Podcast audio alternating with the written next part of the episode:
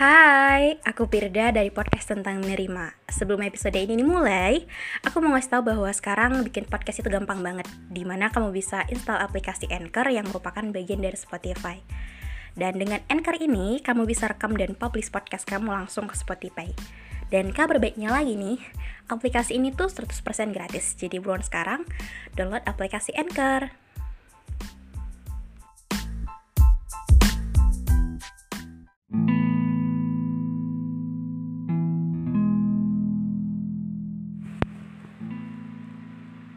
Kita sering ditanya, maunya apa? Kamu sukanya apa? Atau kamu tuh milih yang mana sih? Itu pertanyaan yang paling sering mungkin ya. Dan dari situ aku juga bertanya ke diriku sendiri Kadang kita sebegitu mudahnya untuk ngucapin tiga pertanyaan tadi ke orang lain.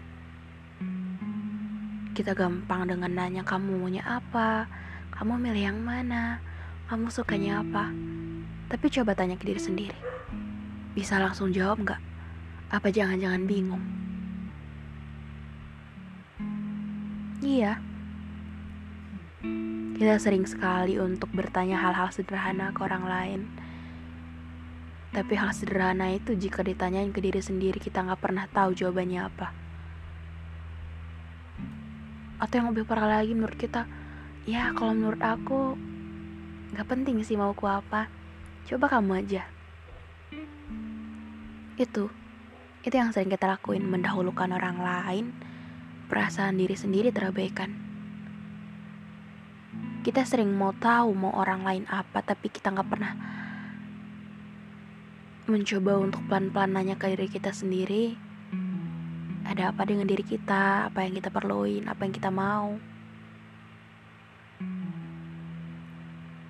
Dan hal ini yang kadang membuat kita terus-terusan untuk bergantung ke orang lain. Kita nggak pernah punya prinsip.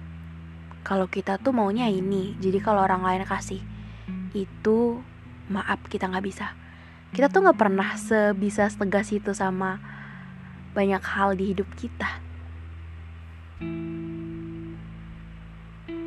Ketika ditanya kenapa suka warna pink? Kita tuh nggak pernah bisa jawab bahwa aku suka warna pink karena begini begini begini. Enggak kita cuma jawab ya karena suka aja so nggak apa-apa untuk jawab jawaban dari pertanyaan itu begitu. Tapi akan lebih baik lagi kita tuh ceritain apa yang benar-benar membuat kita suka. Terlepas orang lain setuju atau enggak ya udah gitu. Kita sering takut berpendapat cuma karena pendapat kita nggak kayak kebanyakan orang. Padahal pendapat kita tadi bisa saja benar pendapat kebanyakan orang tadi yang gak tepat kita.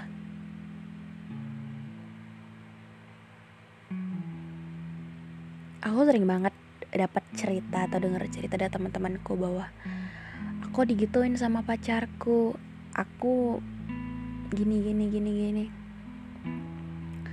Dan ketika dinasehatin bukannya malah tahu ngambil keputusan tapi malah cuman dibiarkan begitu saja. Ketika kita menyeranin untuk lo buat prinsip, lo lo buat batasan diri lo sama pacar lo, atau apa pun itu, nggak pernah berhasil.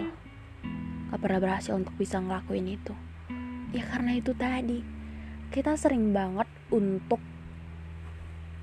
mengetahui orang lain tapi kita nggak pernah tahu diri kita gimana kita nggak pernah tahu diri kita gimana dan kita nggak bisa buat prinsip gitu.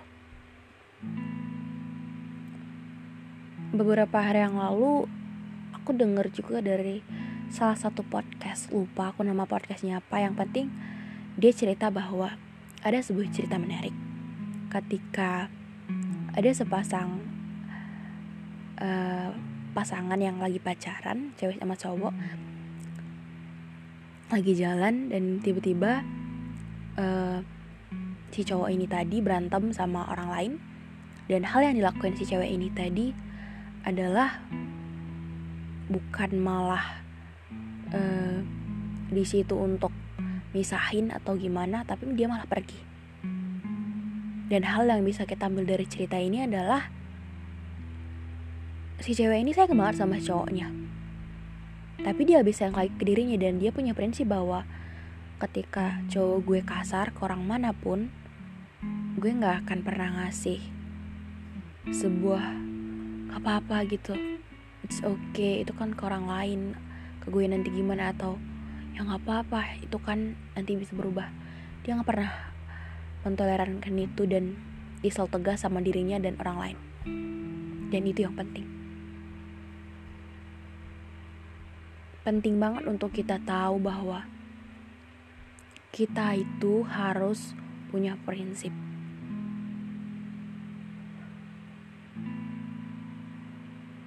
Mungkin akan terkesan kayak orang yang keras banget gitu ketika kita punya prinsip tapi menurutku itu membuat diri kita benar-benar tahu batasan tahu batasan ke orang lain dan tahu batasan untuk diri sendiri gitu untuk ngelakuin banyak hal. Jadi ketika kita ngelakuin kita tuh mikir ke depannya dampaknya apa ke diri sendiri atau ke orang lain gitu. Jadi ketika kita terjebak di sebuah relationship yang toxic kita tuh bisa memisahkan diri kita bisa tuh lepas. Kita nggak terlanjur untuk bilang udah terlalu sayang. Ya udahlah nanti dia berubah